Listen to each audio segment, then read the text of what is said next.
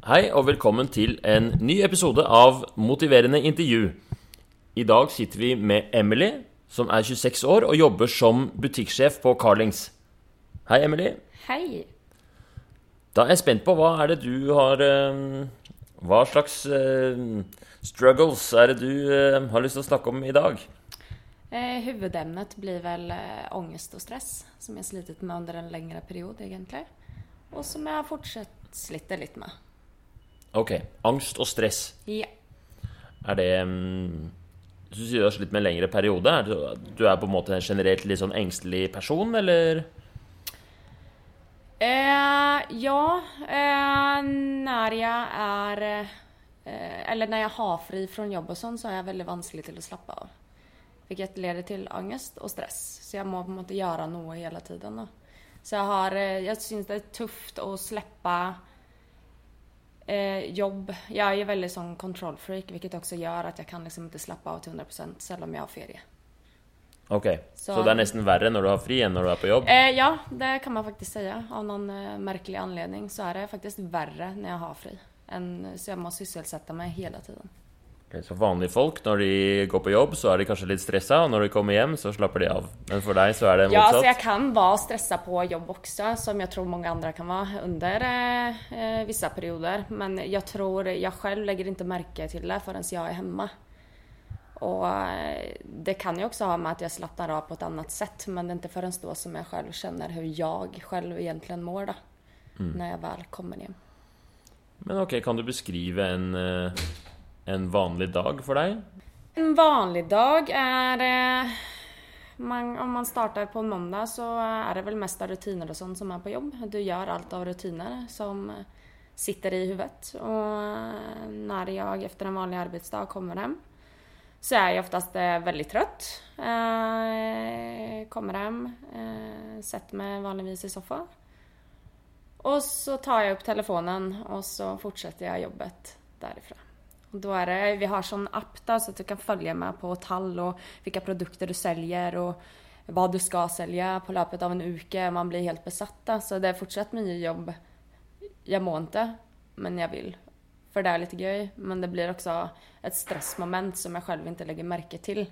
Men en dum ovana. Så jag sitter mycket med telefonen efter jag har kommit hem och jag släpper den sällan ifrån mig. Mm.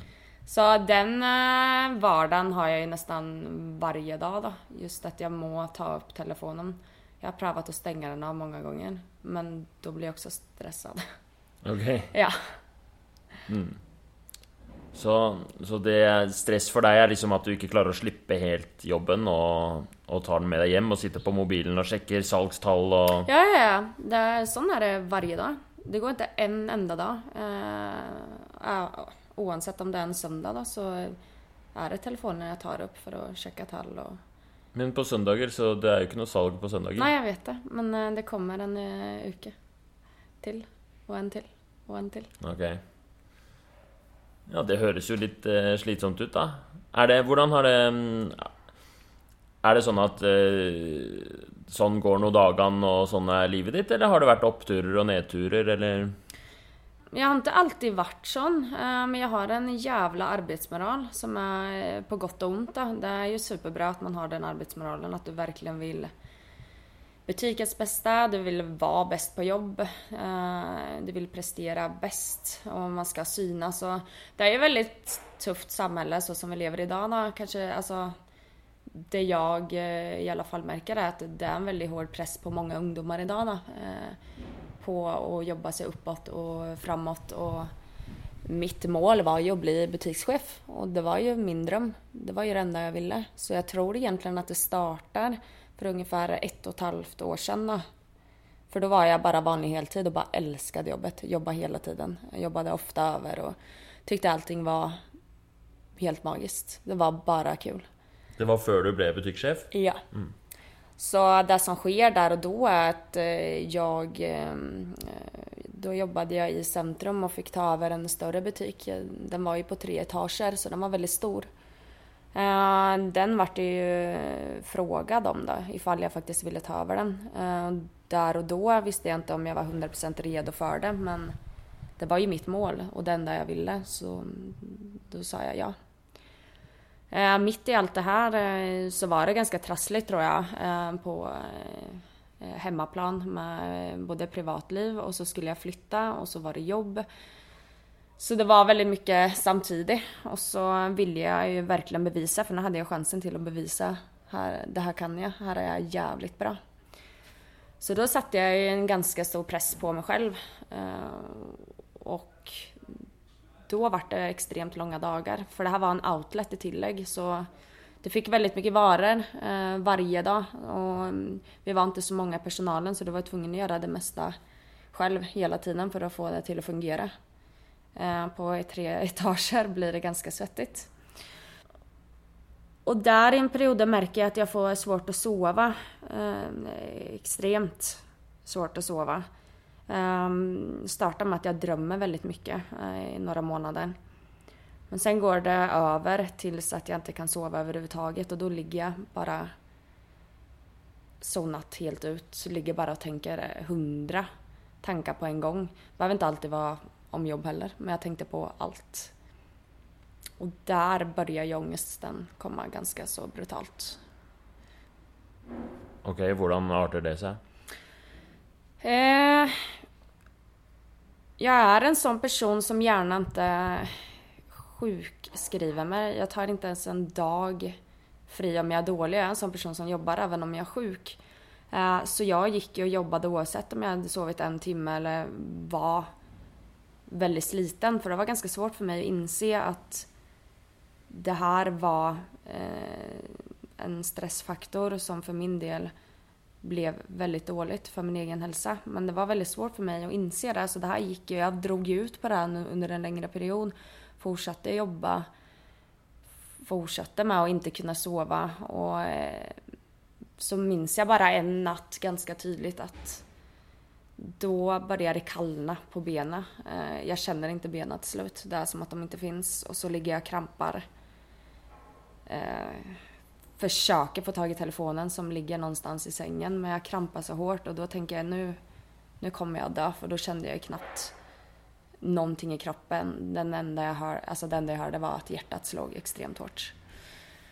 Eh, tog tag i, fick tag i telefonen eh, efter en stund, kändes som en evighet. Eh, tänkte jag skulle ringa mamma och säga att nu, nu kommer jag att dö. För att det var så det kändes. Att allt bara försvann. Du hörde bara dunkandet från hjärtat. Och... Men eh, jag ringde inte mamma, jag ringde min eh, kompis som jag bodde med då på den tiden. Som var på fest och så...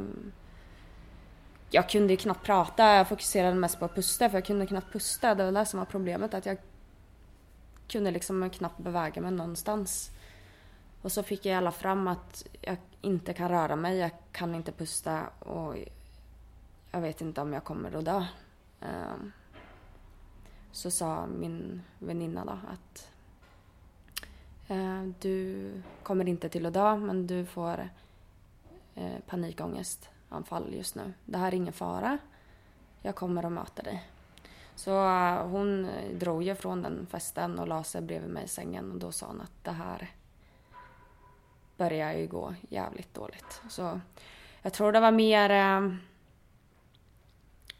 eh, folk runt om mig som märkte att det var något fel på mig än att jag mer tänkte att eh, att jag, jag kanske skulle faktiskt döda, att det var något sånt. Att det, var, att det här var inte på grund av jobb eller eh, stress. För det är någonting du bara har andra får vara med om. Men eh, det var precis det som skedde. Och det här gick alldeles för långt. Hur länge är det här sedan? Eh, det här eh, är ett och ett halvt år sedan det här skedde. Ehm, men jag eh, sjukskrev mig inte ens efter det heller utan jag fortsatte att gå på jobb. Så jag gick ju med det här ja, så allvarligt då med att jag inte kunde sova och den ångesten och allt av kramper och eh, att jag var så fruktansvärt deprimerad i tillägg i säkert eh, sju, åtta månader. Okej, okay, så bara så när jag har förstått riktigt så var det en periode for noen år siden, altså to år siden, ett og et halvt år siden, hvor du eh, fikk en ny jobb med mye mer ansvar. Og samtidig så hadde du litt sånn eh, issues på hjemmebane. Og du drev og flytta, og det ble, var veldig mye stress. Og det merka du på at du i starten sov dårlig. Så fikk du etter hvert ikke sove i det hele tatt, og så fikk du eh, et panikkangstanfall. Ok. Og så, men selv liksom Selv om nå så virker det jo sikkert åpenbart at eh, det er liksom å møte veggen litt, ikke sant, og kroppen sier fra 'nå må du ikke kjøre deg selv så hardt', men, eh, men du har fortsatt å, å jobbe fram til nå, eller? Eh, nej, alltså det är lite som du säger. Just nu pratar jag ju om mig själv som en andra person för idag känns ju inte det här helt verkligt. Eh, jag var väldigt skeptisk åt folk som sjukskrev sig eller folk som var sjuka. Eh, för att jag hela tiden jobbade själv oavsett i vilket skick jag än var. Eh, jag hade aldrig varit med om eh, en sån situation någonsin heller där jag mår så pass psykiskt dåligt på grund av eh, stress i vardagen. Så jag, jag kunde liksom inte se, se problemet. Det tog mig väldigt lång tid innan jag förstod vad det var som faktiskt var grunden till det. Så det som sker är att eh, jag pushar mig själv ännu mer eh, oavsett eh, hur, hur få timmar jag än har sovit och hur mycket ångest jag än har och hur stressad jag än var så gick jag till jobbet var dag fram, ja, kanske två, två månader till efter det här panikångestanfallet och till slut så kommer jag inte ihåg vad jag gjorde om dagen. Jag kommer inte ihåg vad jag gjorde på jobbet. Jag kommer inte ihåg, alltså om någon spurte mig vad jag hade gjort så var det bara svart. Uh, och då åker jag hem till Sverige en sväng. Uh, för att hälsa på mamma och dem och förklarar situationen och hur jag har det. Och även om det var skönt att komma hem så var det nästan ännu värre och då tänkte jag att jag, jag säger upp mig och flyttar tillbaka till Sverige igen. Så när jag kom eh, tillbaka till Norge efter eh, eh, resan eh, hemma hos min familj där jag också träffade några av mina vänner så eh, tog jag ett möte med min regionschef där jag bara eh, sa väl allt och ingenting. Jag hade kraftig mundiarré om man kan säga det så. Och så sa jag bara att nu, eh, nu är det nog. Jag eh, säger upp mig och eh, flyttar hem till Sverige. Jag kan inte ha det sån här mer. Det... Och då hade jag i tillägg det som vi har missat här, att från att jag tar över den stora butiken så var det ju meningen att jag skulle lägga ner den här butiken. Jag hade extremt mycket jobb med att lägga ner en butik på tre etager.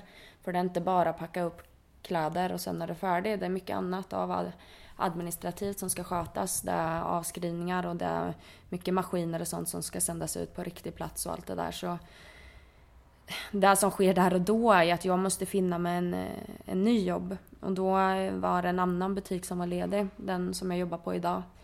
Eh, som jag sökte på i samma sväng.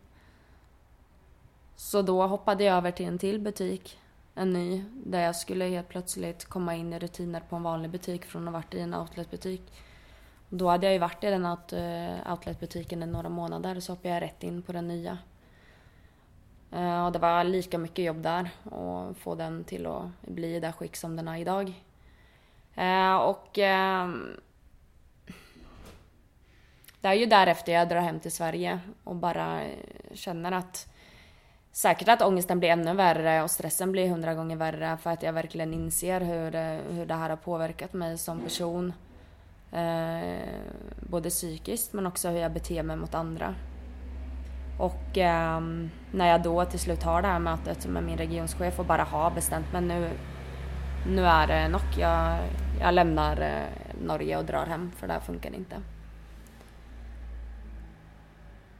Då insåg ju jag att det, det var på grund av jobbet. Att jag tog det så seriöst, att det tog över hela mitt liv. Att jag var mer fokuserad på tall och eh, hur det skulle gå för butiken och vad andra skulle tycka och tänka om mig i den situationen som butikschef och hur jag driver en butik.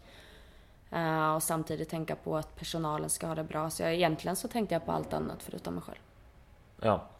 Så det tog lite tid, selv om, Mm. eh, selv om liksom Når du forteller det nå, så skjønner man jo at det har med jobben å gjøre, og stress. Mm. Men at det tok litt tid for deg å skjønne det. Ja, ja, ja. At, eh, men du, virker, du jobber jo fortsatt i den butikken, da? Ja. Så har du ennå ikke skjønt det, eller? Jo, eh, så det som sker är ju att jag är en helt fantastisk regionschef som eh, fanns där för mig och i det tidspunktet så hatade jag ju allt. Jag hatade jobbet, jag hatade mig själv, jag hatade vardagen. Alltså det var... Jag såg ju inte helt klart på att okej, men eh, det här kan vi ordna så länge jag ber om hjälp och faktiskt förtäller om det. För så länge inte jag gör det så är det ingen som kan hjälpa mig eller finnas där heller. Så då eh, tog vi en väldigt fin prat som varade väldigt länge, två timmar om jag minns rätt. Där jag faktiskt kunde säga allt som hade skett och som sker. Eh, om allt eh, på nätterna, att jag inte sover, att jag har ångest och konstant stress där. Jag hade ju dödsångest, jag var ju konstant rädd. Jag klarade knappt av att gå utanför dörren, möta människor, se på människor. Att det ting- ting skedde runt mig fick mig att bli stressad. Ja, for du sa at du forandra hvordan du forholdt deg til andre mennesker. Hvordan, kan du si mer om det?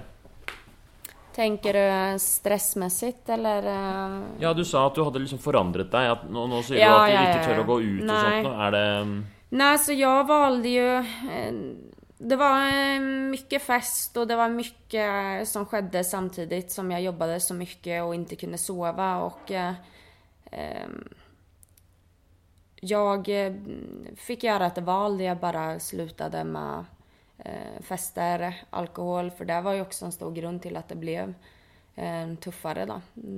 Det om något är ju ångestpåverkande, speciellt dagen efter. Och för min del så vart det ju ångest gånger tusen. Eh, så jag gjorde ju några val där jag slutade att umgås med folk, där jag mer eller mindre var själv. För jag klarade inte av att umgås med någon eh, just där och då. Och även om jag gjorde det så var det ju många som märkte på mig att jag var liksom inte helt där. Eh, jag var inte samma glada person. Jag kunde säga mycket dumma saker, jag kunde inte vara... Jag var liksom ingen bra vän då, till någon. Eh, och jag prövade att vara en ledare för andra men när man är så dålig så klarar man inte alltid av att ha humöret uppe heller då. Så jag märkte att jag som person blev väldigt annorledes. Väldigt negativt då. Eh, Er det fortsatt sånn? Eh, nej, däremot så har jag ju valt... Jag märkte ju när jag slutade med allt... Eh, jag ska inte säga att jag slutade att festa helt, men eh, jag är inte den personen längre som är med på allt. För mig var det väldigt viktigt att jag var med på allt, för att det kändes som att jag missade så mycket om jag inte var med på allting som skedde i veckorna. Eh, Medan idag så har jag ju valt ett liv där jag kanske kommer, kommer ut mer, eh, ut och går och tar vara mer på mig själv och vill jag vara själv så är jag själv istället för att jag ska bli med på allting och det är många som säger att jag är tråkig och att eh, jag inte är samma person men då får jag hellre vara där för jag märker att jag psykiskt mår mycket bättre när jag eh, tar ting lite mer med ro än att bara bli med på allt konstant för jag, man missar inte så mycket men man tror gärna det. Så jag har ju förändrat mitt liv på många sätt. Ehm, och efter den praten med min regionschef där han också fick en inblick på hur mitt liv faktiskt har varit under en längre period.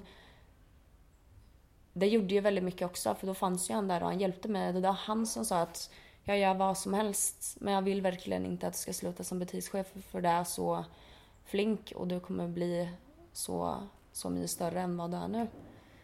Uh, och att jag kan klara av vad som helst. Men för att jag ska klara det så ville han så gärna hjälpa till. Så han mer eller mindre tvingade mig till att ta en sjukskrivning. Uh, Så jag gjorde det.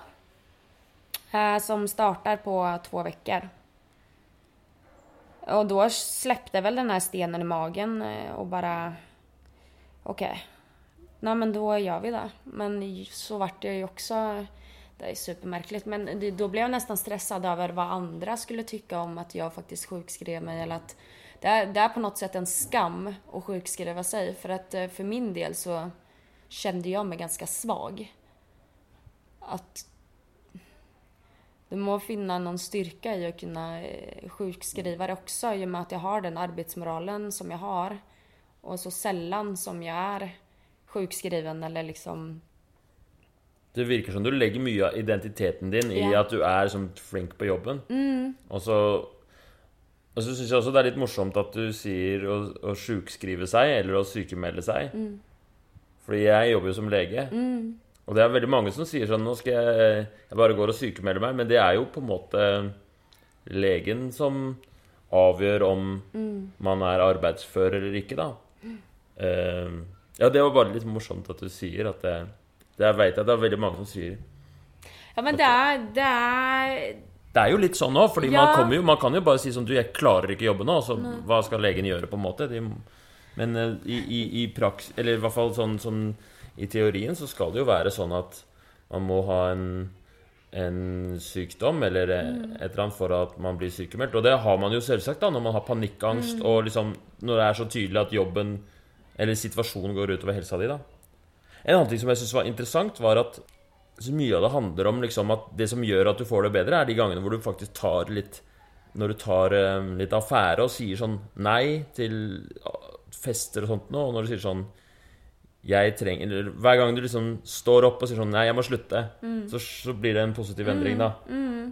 At det handler litt om å, sånn, å ta kontroll. At du, ofte, at du hele tiden gjennom Det som har liksom brakt deg ut av eh, fatning, har vært at du liksom har latt ting skje hele tiden med deg. på en måte Bare latt ansvarsoppgaver og jobb og fest og alt liksom bare ramle over deg, og så blir det for mye.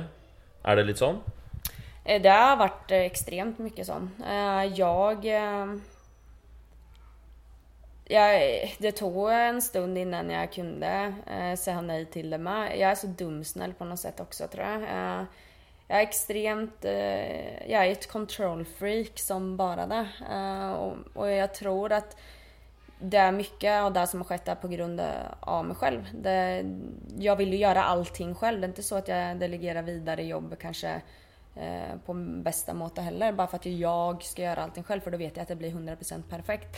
Och när det kommer till allt av fästing och där så har det ju varit att Jo men kom igen då, bli med, det blir kul. Eh, jag bara, nej men jag tänkte mm, vara hemma. Men vad ska du göra hemma? Det finns inget att göra hemma, bli med. Det är mycket sån... Och så har jag blivit med då för att eh, då eh, följer jag med kanske lite mer kul. Så har det blivit en ond cirkel av det istället då i och med att du har eh, det psykiska och eh, är inte helt stabil. Och den blandningen med fester och alkohol är ju nog kanske det sämsta du kan göra. Så när jag väl sa ifrån, för att jag drog till... Eh, jag hade inte fastläge så jag drog till Bokstavejen. Så finns det en sån emergency lägevakt som jag drog till. Ehm, där hade jag varit en gång förr för jag hade fått eh, halsfluss.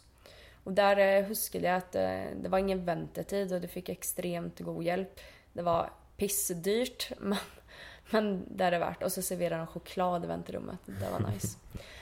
Så jag drog dit och så fick jag möta en läge som var helt fantastisk som eh, lyssnade på allting som jag hade varit eh, igenom. Det var väl egentligen eh, så där jag menar med det här med sjukskrivning. Det är inte bara så att jag nämnde det eller att min regionschef sa att du må. Jag hade ju en läge som jag gick till som sa att det här må du ta tag i för det här är liksom inte bra. Du har ångest, du har stress, eh, du är deprimerad. Så då fick jag Xanor som jag kunde ta innan jag gick och la mig bara för att eh, oron skulle gå ner lite då. Det är inte starka överhuvudtaget men Eh, funkade väldigt bra för då kunde jag ta det innan jag gick och la mig och då försvann lite av de här stresstankarna och oron som jag hade. Men eh, om, eh, om vi återgår till den sjukskrivningen som jag sen fick då utskriven av läge eh, och tack vare att min regionschef tog tag i mig själv, höll jag på att säga. Så eh, det var det är ju också väldigt blandade känslor för det var nog det värsta som jag varit med om och det bästa. För när jag väl tar den här sjukskrivningen så känner jag ju allt på en gång. För då är jag ju inte på jobbet. Då har, har jag bara varit tvungen till att inse att jag har det inte bra. Och just där och och vara ärlig mot sig själv och kunna faktiskt inse då och erkänna för sig själv att jag har det inte bra. Just nu är jag väldigt dålig. Tar också väldigt mycket emot för att det är inte den personen jag vill vara. Jag vill vara den personen som är glad och jag vill vara en person som ska kunna motivera andra och vara den positiva ledaren som jag egentligen är. Och i det tidspunktet så kände jag mig extremt dålig. Så eh, de två första veckorna på sjukskrivningen var helt jävliga. Fick eh, ännu mer ångest och eh, låg liksom i sängen och bara vad ska jag göra? Jag har ingenting att göra, inte ett jobb att gå till. Jag klarar inte av att vara ute på fester. Eh, jag klarar knappt av att gå utanför dörren. Eh, jag kan inte bara leva på medicin och tro att livet ska bli bättre, för det är inte så livet fungerar heller. Så det gjorde mig nästan ännu mer räddare då, att då kände jag mig extremt ensam istället, för att då hade jag ju ingen, inga folk runt mig eller... Det var liksom bara tyst. Så eh, dödsångesten vart extremt mycket värre i det tidspunktet. Så då är ju tanken att jag ska egentligen komma tillbaka efter två veckor men känner att det här kommer aldrig till att gå. Så då drar jag tillbaka till eh, den lägervakta eftersom jag fick så otroligt god hjälp.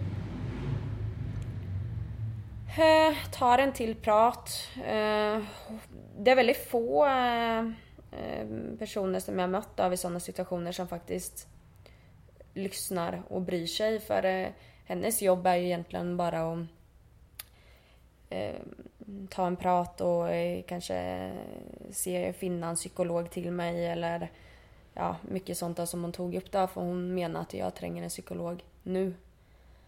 Men hon agerade själv som en psykolog så det slutade ju med att vi kunde sitta och prata väldigt länge så hon hjälpte ju mig jättemycket. Hon kramade mig och eh, bara gav mig tips och idéer på väldigt mycket. Så då fick jag en till sjukskrivning på två veckor. Och en ny medicin utskriven som jag inte kommer ihåg vad den heter.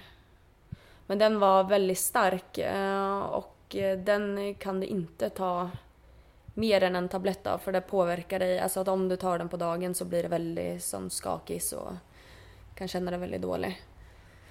Och då insåg jag att jag kan inte hålla på så här. Jag kan inte leva på eh, så starka mediciner och sen ska det bli bra dagen efter. Så mm, jag slutade gå till henne. Jag slutade att ta medicinerna.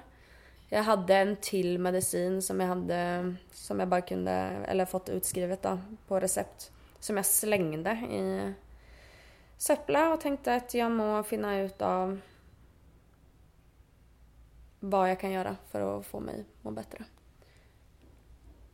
Och då går jag varje dag från café till café till café, sätter mig, alltså hela dagar och börjar skriva ner allting. För att förstå liksom vad det är som sker med mig och varför det har startat som det har gjort. Mm.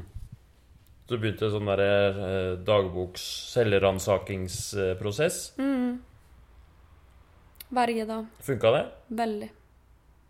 Det var väldigt skönt för det blir som en terapi för sig själv. Och det var ingen som hade sagt att jag skulle göra det men jag hade ju panik. Det här var inget liv som eh, jag ville ha överhuvudtaget. Jag orkade inte leva så här mer. Jag var så sliten att jag visste liksom inte hur jag skulle klara mig mer. Att det kändes som livets slut. Och just att man är konstant rädd. Det var väl därför jag satte mig på kaféet. Först och främst så måste jag börja komma ut igen oavsett hur jobbigt det än är och hur rädd jag än var så är det ett första steg att jag må komma mig ut och se människor igen. Jag vet inte varför jag var så rädd. Alltså jag var bara rädd för rörelser, röster, musik. Det var bara allt blev så förstärkt på något sätt. Att det är ganska svårt att beskriva. Eh, och som jag sa, det är som att jag pratar om mig själv eh, som en andra person för att idag känns det ganska overkligt. Men om vi går till det då, för det är ju eh, ganska fantastiskt att höra att du har liksom klart att, att komma dig vidare då. Men um, har du något på ett uh, problem nu som du har lust att jobba med? Ja, det är fortfarande ångest och stress. Jag har ju tendenser till att känna det här hela tiden, inte på samma sätt. Men eh, jag... Ehm, är det något som är stressigt i vardagen eller på jobb eller på privattiden så märker jag att det stressnivået blir väldigt fort högt. Och det... Um, jag har väldigt nära till det fortfarande och jag kan fortfarande känna lite av ångesten när jag är hemma eller när jag har fri för att jag inte gör så mycket som jag kanske vill göra eller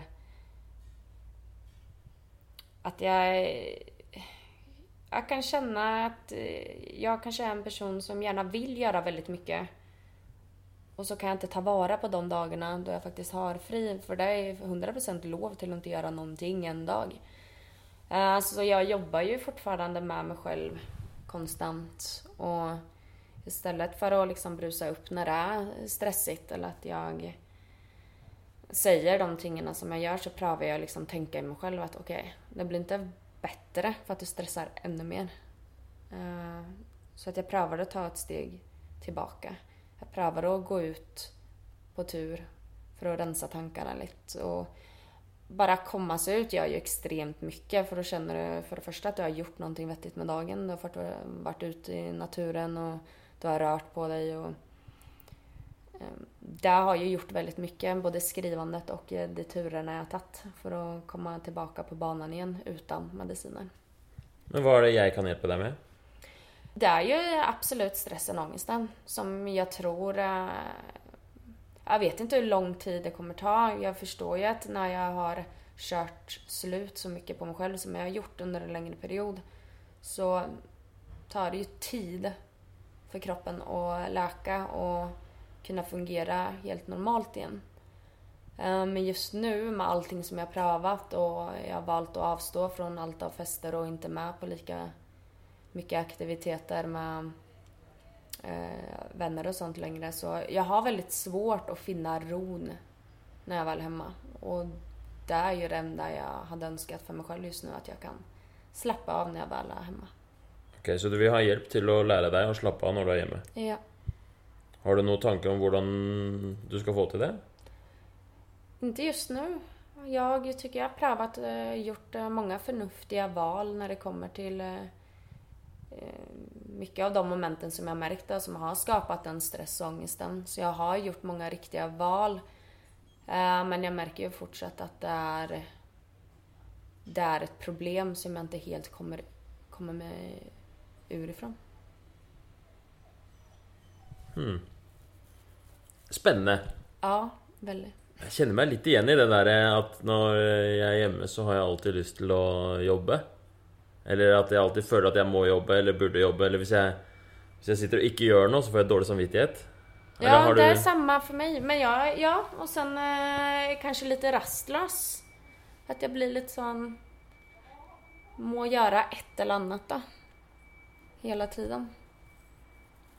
Altså den motiverende intervju, da skaper vi jo en slags sånn kunstig prosess mm. for å angripe et eller annet problem. da. Så i den prosessen så må vi jo ha en eller annen form for en, en annen ting å gjøre. En markør. Et eller annet liksom som eh, vi fokuserer på. Sånn at eh, målet blir litt sånn lettere å forholde seg til. da. Mm. For eksempel en som skal eh, Hvis du skal fordi stresset er ikke så lett å måle. Hvordan har det gått om tre uker? Har det vært mindre stress i? Jeg veit ikke helt, kanskje.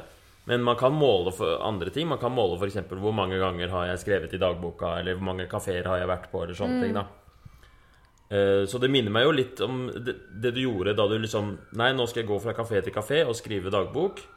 Det var jo typisk sånn Det varmer mitt hjerte, da, for det er en typisk sånn veldig konkret handling som ikke er så vanskelig å forholde seg til. Eh, som man kan fokusere på, og så vil det hjelpe problemet, da. Så vi må finne noe sånt. En eh, process, prosess.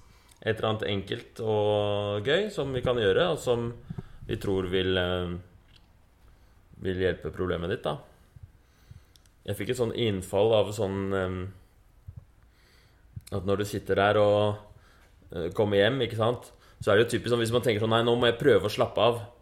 Og så prøver man å sånn jakte på liksom en avslapning, så blir det Ja, veldig men, stress. ja så blir det stress. Ja. Ja, det, är, det är akkurat det. Jag sitter och fokuserar på att bli stressad men alltså Målet är ju att jag inte ska tänka på att slappa av. Det ska komma naturligt. Mm.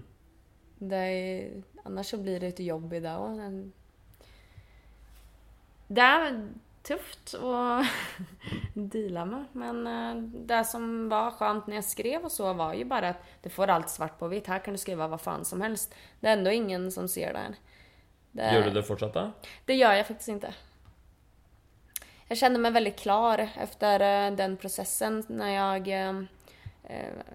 Jag kom fram till så mycket bra grejer när jag skrev. Alltså då till slut backade jag tillbaka typ två, tre år och bara kunde pussla ihop väldigt mycket som jag nästan, som jag trodde jag hade glömt då, men som jag kom fram till att uh, mycket av det här kunde också ha orsakat många av de problemen som jag gick igenom uh, under den tuffaste perioden.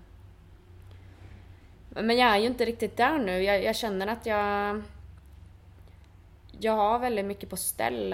Eh, jag har blivit lite mer självisk. Eh, och det älskar jag.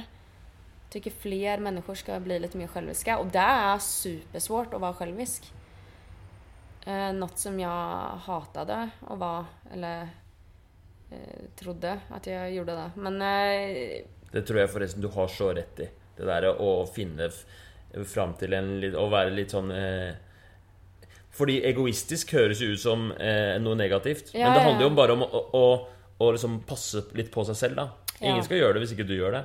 Det har lite med det att göra. För det, det är bara jag som kan bestämma hur mitt liv och min framtid ska se ut. Och då må jag göra de ändringarna själv.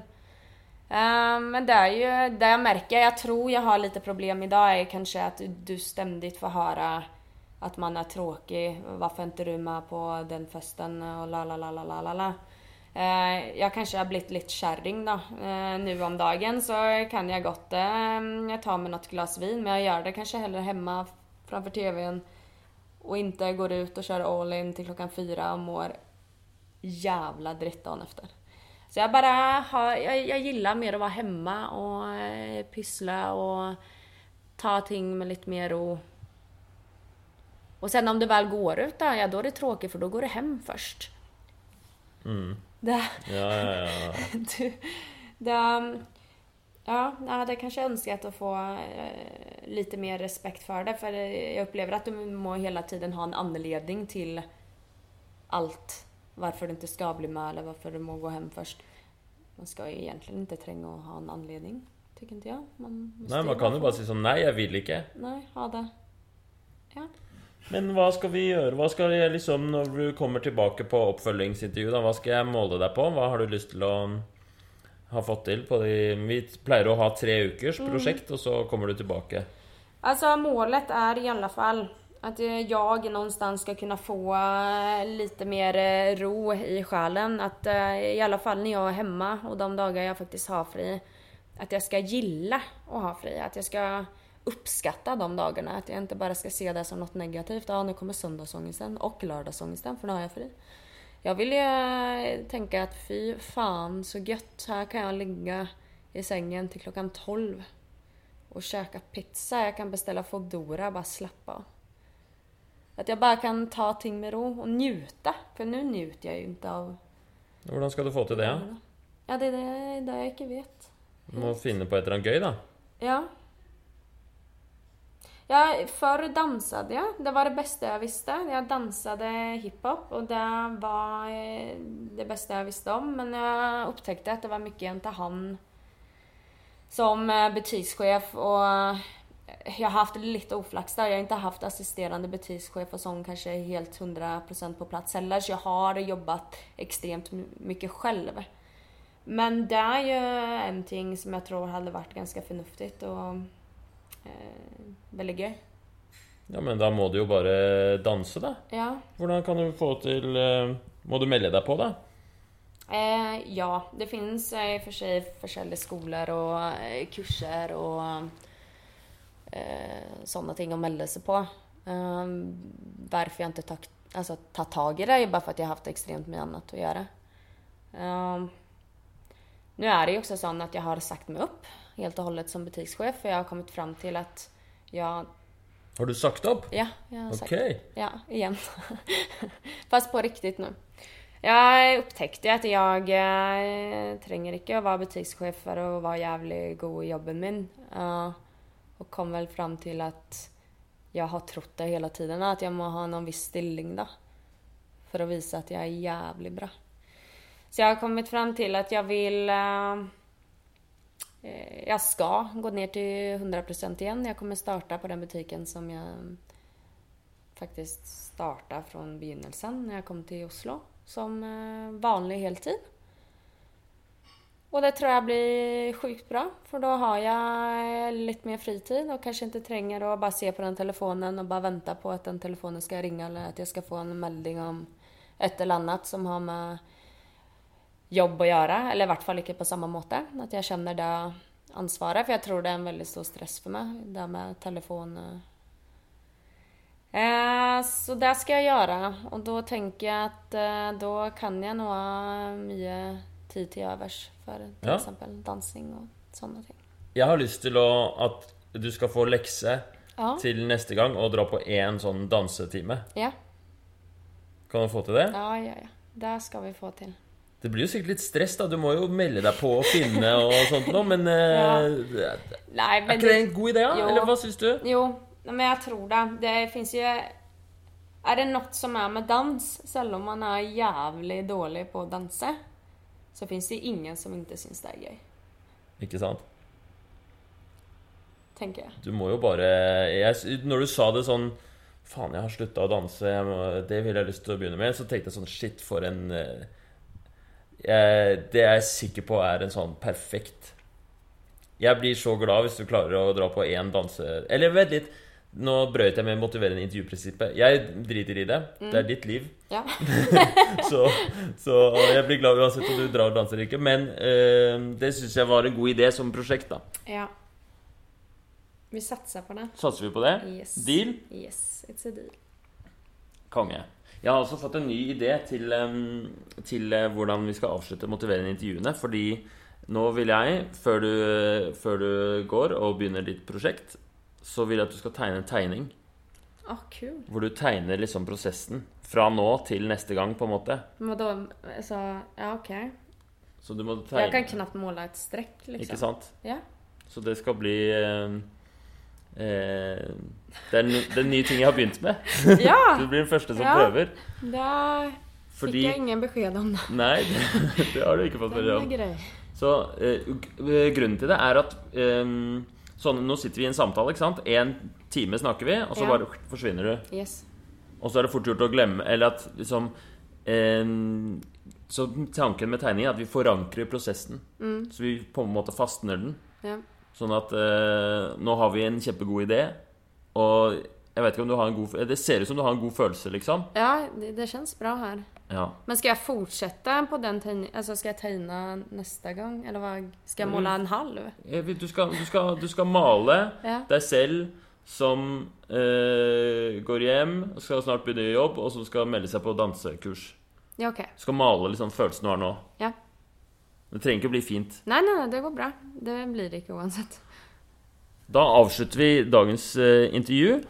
Em, Emily kommer tilbake om tre uker. Det blir spennende å se hva hun har fått til, om ting har endra seg, om hun har funnet roen. Eh, hvis dere har eh, spørsmål eller tilbakemeldinger til motiverende intervju, kan dere sende til meg. Eller hvis dere har spørsmål til Emily, fordi det kan hende noen har, og da kan dere sende til meg, så skal jeg spørre Emily de spørsmålene neste gang. Hvis, ja, så Ja. kan det hende det kommer noen spørsmål til. Det er sikkert masse folk som er nysgjerrig på, på, på Det kan være om, om hvordan det har vært å ha liksom, følelsen av angst og stress, og ja, alt mulig. Spör om vad som helst. Spør om hva som helst. Også om det er noen gode tilbud på Carlings. Hva, ja, hvordan blir man butikksjef? Det er jo ledig stilling nå snart. Da, Ja, ja, ja, ja. Bara kom till mig. Ja. Ok, ha det bra. Ha det!